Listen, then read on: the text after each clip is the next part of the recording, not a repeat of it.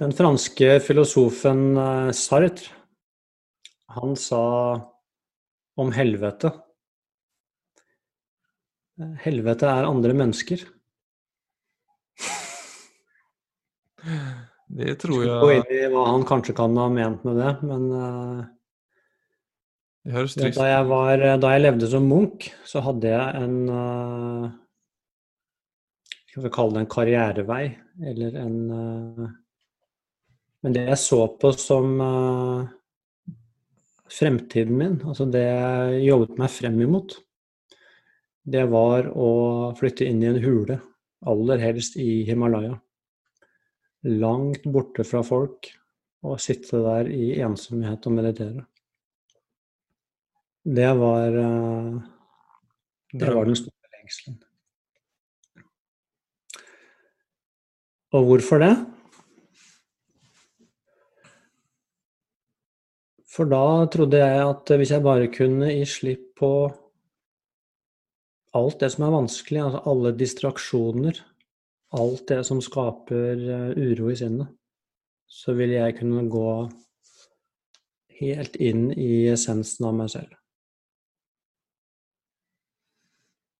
Undergå livet, ja. Det blir jo det.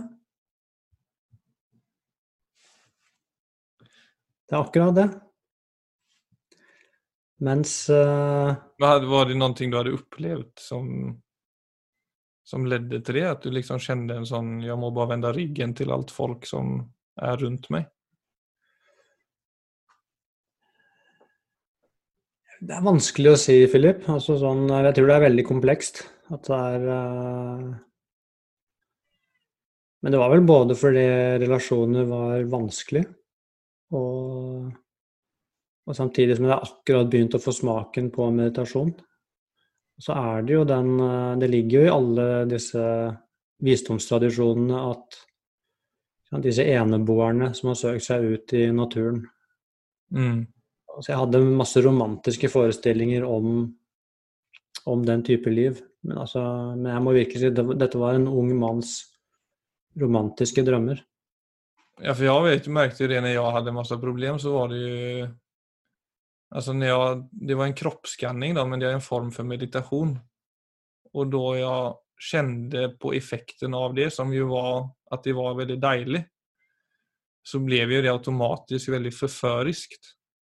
Alltså det är precis som om du plötsligt längtar väck från eh, det inom situationstegn miserabla livet du har och bara in i en tillstånd. Absolutt. Og der er jo meditasjon litt sånn kan jo være forførisk i starten. Ja, i høyeste grad. Det kan eh, Jeg vil jo selv si at jeg brukte meditasjon som eh, Ikke bare som det, men også som et eh, en form for unnvikelse. At det ble en unnvikelsesstrategi.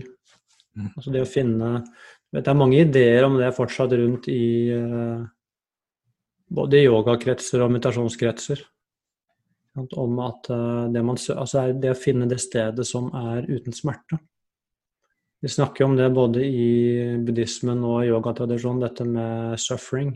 At Life is suffering. Og så har du da denne, hvis du går helt inn i essensen av deg selv, altså denne åndelige oppvåkningen som skjer, så er du fri fra suffering. Og når vi hører de ordet suffering, så tenker vi på smerte.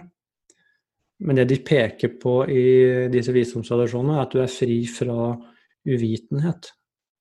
Du er fri fra eh, alle misforståelsene. Altså det som dukker opp når du er fri for misforståelser, det er jo ubetinget kjærlighet. Så i oppvåkningen så, så dukker det opp en flyt med alle andre mennesker, og selvfølgelig egentlig hele eksistensen. Altså det peker ikke mot at man er fri for smerte. Det peker om at man er fri for, man er fri for blindhet. Nå snakker du egentlig om å komme i kontakt med hva tilstedeværelse faktisk er, da, regner jeg med. Ja, da snakker vi mer om det som kan kalles en ren tilstedeværelse. Og da kommer vi til det egentlig som er dagens tema, så vi skal kikke litt på dette med relasjoner. For det er jo på mange måter det mest komplekse, og der hvor veldig mye Selvfølgelig veldig mye gode følelser dukker opp, men jo også veldig mye frustrasjon og problemer og mangel på flyt og ja, Mm. veldig mye av det som vi syns er problematisk i hverdagen. Mens fra et eh, Sånn som jeg ser det i dag, så vil jeg si at relasjoner er det beste speilet hvor du kan få øye på deg selv. Så det å Hvis du er interessert i å rydde opp i deg selv og finne klarhet i deg selv, så vil du få all den informasjonen du trenger, vil du få i relasjonene dine. Relasjonene er en sånn hemmelig nøkkel for, eh, for selvinnsikt. Ja, for jeg opplever det som, altså, Jo nærmere, og det er, jo, er vel ingen hemmelighet, men at jo nærmere relasjoner man har, jo mer komplekst er det. Men også det, en- som en, altså, i den familien man vokser opp i da, som også er et klassisk klassiskt exempel. Man har en veldig, veldig lang førtid sammen.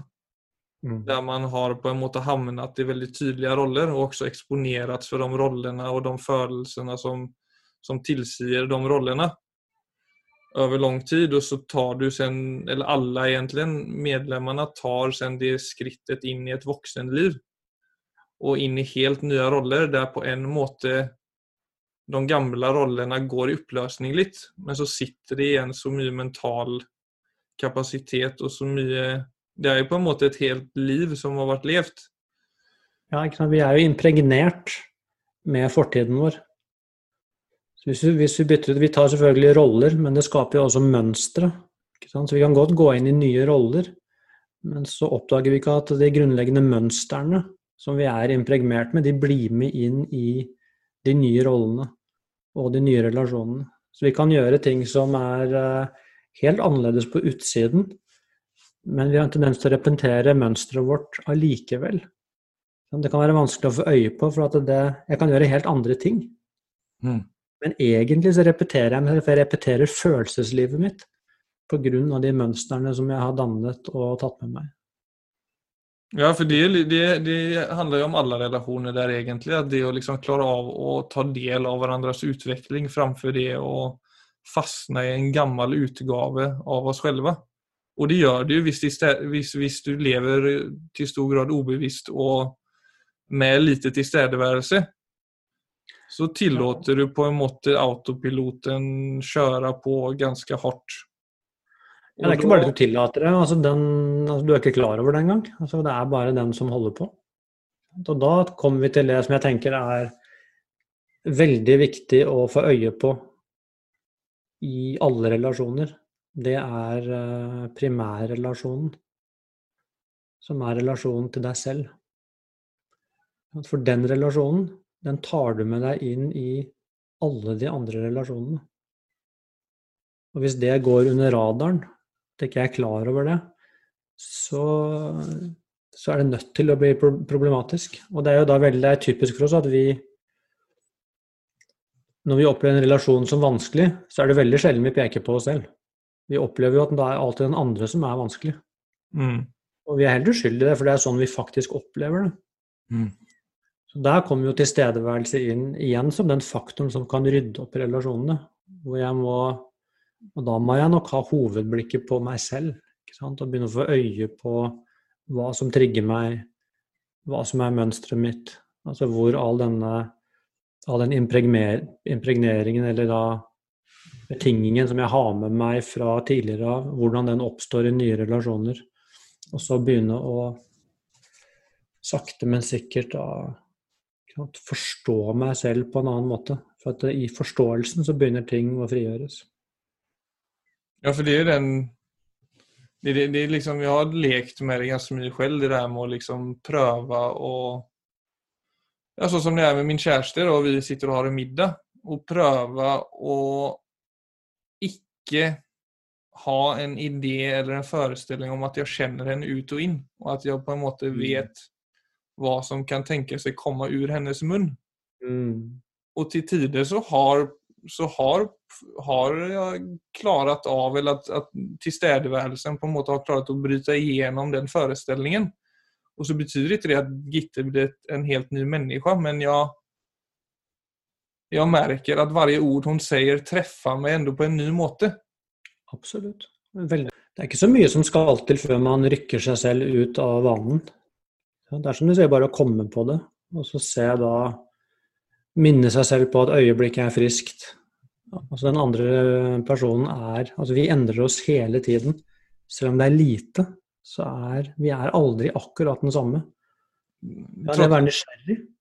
Ja, men det er det jeg har merket, og trots at det er lite og trots at man jo så klart oppfører seg på mange sett på liknande sett gjennom livet, så er det bare en følelse. Altså, du bryter opp med alle forestillinger om at du kjenner til mennesker ut og inn og situasjoner ut og inn.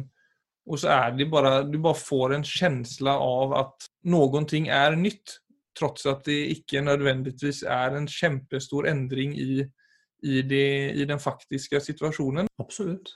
Du vet, I mindfulness så har man disse holdningene som, uh, som man bruker. Og de brukes jo både i i meditasjon, men de brukes også i hverdagslivet.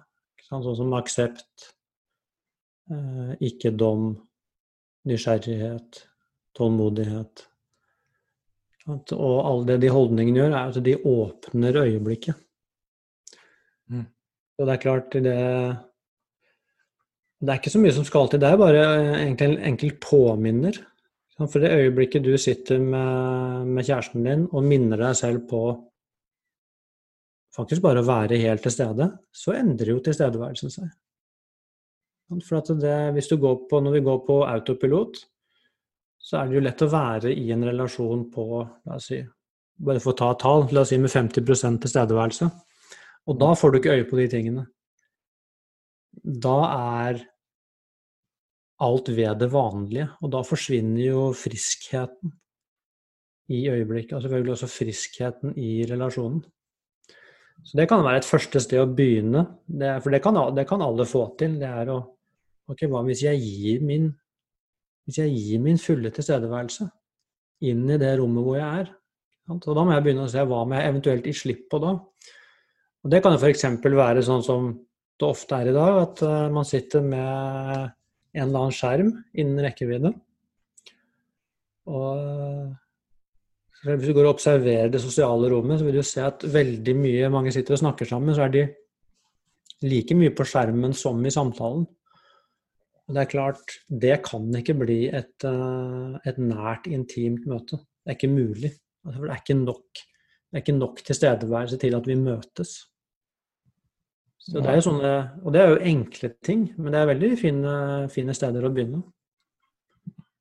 Ja, for så som det, det som, som har vært et enkel, en, en, en inngang for min del, når jeg merker at jeg blir veldig brainy i, sosiala, i sosialt samvær eller i relasjoner, da merker jeg ofte at jeg faller inn veldig fort i en eh, Både en forventning på meg selv, men også på en forventning på andre. Mm. Men de gangene jeg da flytter oppmerksomheten ned i kroppen og prøver å lytte fra et annet sted. Altså ikke, ikke liksom ha all fokus oppe i hodet. Da har, jeg, da har jeg kunnet legge merke til at det har blitt en eh, at, jeg, at jeg lytter mer uten en forventning enn at jeg lytter med en forventning. Ja. ja. Etter forventninger er kanskje hovedstikkordet her. Det er klart i øyeblikket jeg har en forventning til ja, både hvem du er, og kanskje enda mer til hvem du burde være så har jeg invitert inn ganske store problemer. For det er, jeg skal ganske flaks hvis du, hvis du, oppfører deg i henhold til mine forventninger. Det er det som er, for det skjer jo aldri. Så hvis jeg kommer inn eh, Nå møter jeg deg med en forventning, og det er ikke sikkert jeg er klar over det engang, jeg bare har den med meg, og så oppfører du deg på en annen måte, så blir jeg skuffa. Og jeg vil oppleve da at faen altså Philip, han er uh, jeg opplever at, det er du som er problemet. Og Det er ganske interessant. Jeg ser ikke at problemet ligger i min egen forventning. Mm. At Hvis jeg hadde vært der med et, eh, et åpent og utforskende og nysgjerrig sinn, så kunne jeg blitt med på den bevegelsen som faktisk er i deg, og respondere på den. Og da er vi i en på en måte i en form for dans som er frisk, og som ikke vi aner utfallet av. Mm. Mens når vi kommer med forventningene våre og ønskene våre og behovene våre, så forsvinner jo all spontanitet. All åpenhet. Altså at den dansen får lov til å utfolde seg, det forsvinner. Og så er det nødt til å bli skuffelser. Og så planter vi skuffelsen inn på den andre. ikke sant? Og så kommer det kunne det ikke bare vært Vi sier ikke sånn, for da hører vi at det er urimelig. Hvis jeg sier hvis bare Philip kunne vært litt annerledes. Det hadde vært så fint for meg. Det hører vi er litt urimelig. Mm. Det blir veldig selvsentrert. Men det er egentlig så selvsentrert. Så lenge at det er en drittsekk, da. Ja da, det er klart. Altså, det er, jeg, jeg sier ikke altså, Det er jo Altså, i relasjoner så er det jo selvfølgelig en uh, Skal vi si Altså en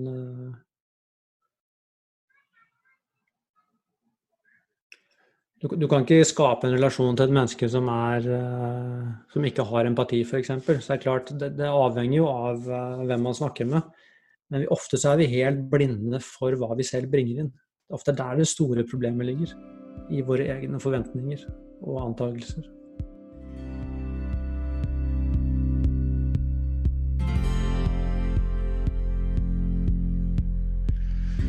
Vi blir født og får et navn. Og så blir man kategoriserad i den gruppen som man tilhører, om det er en man eller kvinne. Og jeg var f.eks. en sånn som eh, ofte var veldig glad i livet. Och då, ja, man kan säga att jag ble tilldelad gladrollen. Mm. Och den levde jag ju mig såklart in i för det, du har ju inte så mycket perspektiv i livet som, som liten så man kan inte heller förvänta att man kanske gör något annat än att bara ta det mesta du blir serverad. Och när man växer upp så tar man också del av andras åsikter och suger till sig detta. Och kanske ikke alltid reflekterer over hvordan det påverkar en. Men noe jeg kunne høre på skolen var for eksempel at det var fel at gutter gillade andre gutter. Og da började jeg tro at det stämde, at det på en måte er att det är noe fel på være sånn, og at det eh, Ja, det ble som et frø som planterades i meg, og som eh, eh, fortsatte sånn til jeg møtte mennesker som egentlig kunne bevise det motsatte og kunne bryte opp i disse illusjonene. Mm. Og det jeg ser når jeg ser tilbake på en oppvekst, og ikke bare min, men også når jeg hører andres historier, så er det det der med fordommer og uforståelse og hat som på en måte bare passerer i generasjoner som en mm. idé liksom, och som flyttas vidare och sår ett frö i en ung människa och blir till en känsla som blir till en åsikt. Och som vi sen liksom misstar för att vara oss, vår identitet. För att det har följt oss så länge i obevisstheten. Men som grundläggande sett bara är en känsla som följer oss och som intensifieras över tid beroende på hur många gånger i uppväxten vi blir exponerad för sådana situationer. Og jeg hadde, altså jeg hadde en sånn veldig I samband med at jeg også støtte inn i en del problem når jeg var 19 år, så fikk jeg også en, sånn på et personlighetsplan en veldig Jeg klarte av å se, få et avstand til meg selv, altså se mine egne mønster. Og det var nesten som å klive av en scen og sette seg i salongen og se et, en teater utspelas ute på den scenen. Yes. Det er jo egentlig det det er jo tilstedeværelsens rolle. Det er at man plutselig sitter uh, og ser inn på sitt eget teater. Og ser alle rollefigurene. Og ser hvor de kommer fra. Og ser at Oi, det kommer derfra, det kommer derfra, det kommer derfra. Så ingenting av dette er meg. Alt dette er uh, ting jeg har arvet. Det er betinget. Vi arver et følelsesliv vi arver også et narrativ, altså historier. Vi har jo en historie om oss selv, f.eks., og den er jo også i stor grad arvet av de tingene vi har hørt om oss selv så mange ganger gjennom oppveksten, som uh, i verste fall bare har vært roller som vi har både blitt puttet inn i, men også tatt i ubevissthet. Noen ganger er jo rollene adekvate for personligheten vår, andre ganger så er de overhodet ikke det. Men det er allikevel det narrativet med Og det narrativet tar vi til oss selv. Så når vi går og presenterer oss for andre mennesker, så forteller vi jo en historie. Og det begynner å se hm, hvilken historie er det jeg forteller, og hvor kommer egentlig den fra? Vi har et narrativ om verden. Hvordan, hvilken verden er det vi lever i? Det er også historier som vi forteller, og mange av disse historiene har vi bare arvet. Og så videre. Historier om andre mennesker, historier om hva som er uh, riktig og galt. Så det å da våkne opp til seg selv Det er der en krise er viktig. Altså for det, det som skjer under en krise, er jo at alle disse alle disse historiene som forteller oss selv, plutselig så, så funker ikke de overfor livet lenger. Altså, vi opplever noe som forskyver oss. Og så ser jeg det at uh, det jeg alltid har fortalt meg, det passer ikke inn lenger. Det blir et misforhold mellom hvordan jeg faktisk opplever meg selv og verden, og de historiene jeg har sett. Og da kommer vi i krise, for det er så vanskelig for oss. Du, du kan bare ta det som et tankeeksperiment. det kan jo alle forestille seg. Ok, hva hvis jeg slipper taket i alle rollene mine? Slipper taket i historien min. Hva står jeg igjen med da? Så vil du se at det er Det vil nok føles ganske tomt, men du vil se at du forsvinner ikke. Du vil fortsatt kunne si 'jeg'. Så vil jeg si da at hvis du virkelig undersøker det, så vil jeg at det jeget da, det du står igjen med, er jeg tilstedeværelse. Og det er, når du sier 'jeg', så er det egentlig alltid det dypest sett du refererer til. Du vil se det at Dette kan du bare undersøke selv, det kan alle gjøre. At din opplevelse av 'jeg', den har ikke endret seg gjennom livet, egentlig. Kroppen din blir eldre. Men jeg, bare den rene, det rene jeget, det er det samme. Så i meditasjon, altså egentlig, altså hvis du begynner å gå dypere i meditasjon altså En av grunnene til det også er at det blir stille i sinnet. Når det er helt stille i sinnet, så blir det helt tydelig at, eh, at du står igjen med et solid jeg. Det jeget har ikke historie. Så du får da en dypere altså Da får du landkjenning inn i noe som er virkelig, noe som er solid. Og selvfølgelig da så blir du ikke passiv, tvert imot, du blir veldig aktiv. Men da tar du jo det ut. Du manifesterer da ditt genuine jeg inn i livet. Og da, da har du funnet et virkelig kompass. Husk på at det Altså naturen uttrykker seg jo forskjellig i alle, men da, jeg, da finner jeg min tone. Mm. Eller min farge. Eller min sang. Plutselig så har jeg Jeg var tonedøv, men nå har jeg fått gehør. Så nå vet jeg Jeg vet hvem jeg er. Og da begynner jeg selvfølgelig å manifestere det i verden. Og det skaper, det skaper, et godt liv, for da kjenner jeg igjen meg selv i det jeg gjør. Ja. Og så tar jeg det med meg inn i relasjonene mine. Og da vil også selvfølgelig relasjonene bli mer harmoniske. For da har jeg Da kommer jeg inn i relasjonene med meg, ikke med en eh, vandrende historie. Så her er det et eller annet veldig vesentlig. Ja. Som, uh... ja, jag vet ju det när jag upplevde det å gå i upplösning. Alltså att du, du får det på en måte så dåligt att du tvivlar på ja, mer eller mindre allt. Mm. Och så står du sen igen med det spørsmålet om hvem man er. Altså, hvem er jeg? Eller jeg mm. vet ikke lenger hvem jeg er. Och så försöker du sen desperat finna ut vem du är. Och då letade jag ju ihjäl mig efter alla möjliga gamla roller och på en måte funktioner och relationer för den delen. Finna trygghet i en relation, finna trygghet i en rolle som jag hade. Kanske jag var en uppskattad vän, ikke sant? Mm. Og jeg minns at jeg snakket med deg om det òg, om å gi slipp på å lete. Altså gi slipp på å søke etter å finne seg selv. Mm. Da var det precis som det du snakket om precis, som ikke skjedde umiddelbart, men som over tid med den holdningen og akseptere at du vet ikke hvem du er, men du prøver ikke å skape eller sette opp et byggeverk for hvem du er igjen. Utan du bara upprepar den hållningen om att du accepterar att du är i den positionen. Och det kändes ju i utgångspunkt bara väldigt, väldigt tomt.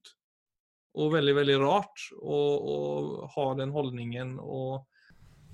Men ju mindre motstånd jag gjorde, ju mer grejt var det etter hvert å faktisk bare være. Og det var ju noe nytt. Å ikke lete efter meg selv der ute, men å låte meg selv vokse fra tilstedeværelse. Ja, for det er, det er genuint. Altså, det største problemet med det vi snakker om nå, er at det ikke snakkes om. Så istedenfor å si at ja, nå er jeg i en overgangsfase, nå må jeg bare bli stående stille til dette former seg på nytt, for dette livet eksisterer aldri i et vakuum. Men fordi vi egentlig ikke vet hva som har skjedd, og det er ingen i omgivelsene som forteller oss det, så begynner vi å leite i det gamle. Og det er ikke noe annerledes enn Nå er jeg blitt 16, og så går jeg i klesskapet mitt og finner de klærne jeg hadde da jeg var 12. Og alle er blitt for små. Men jeg er helt desperat etter å få på meg et eller annet, så jeg prøver. Men uansett hva jeg tar på meg, så passer det ikke lenger. Ja. Og jeg blir mer og mer desperat jo mer jeg prøver. Og ser ikke det at hvert eneste skritt jeg tar for å finne meg selv, er å gå ut av meg selv.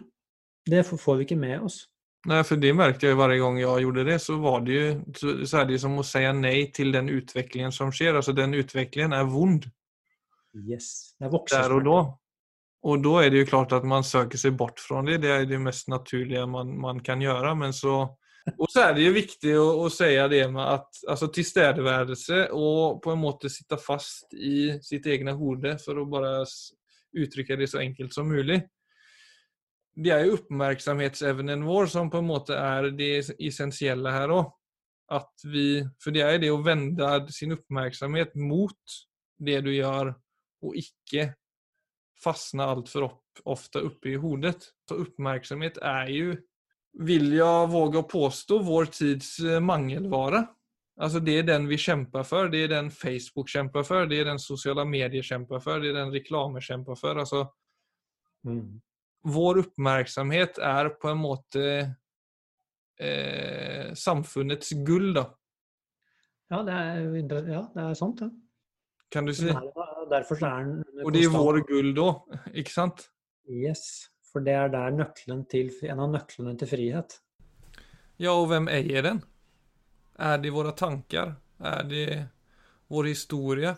Det vi ikke klarer av å komme over? Er det oro og bekymringer for framtiden? Er det dysfunksjonelle relasjoner? Er det samfunnet? Er det sosiale medier?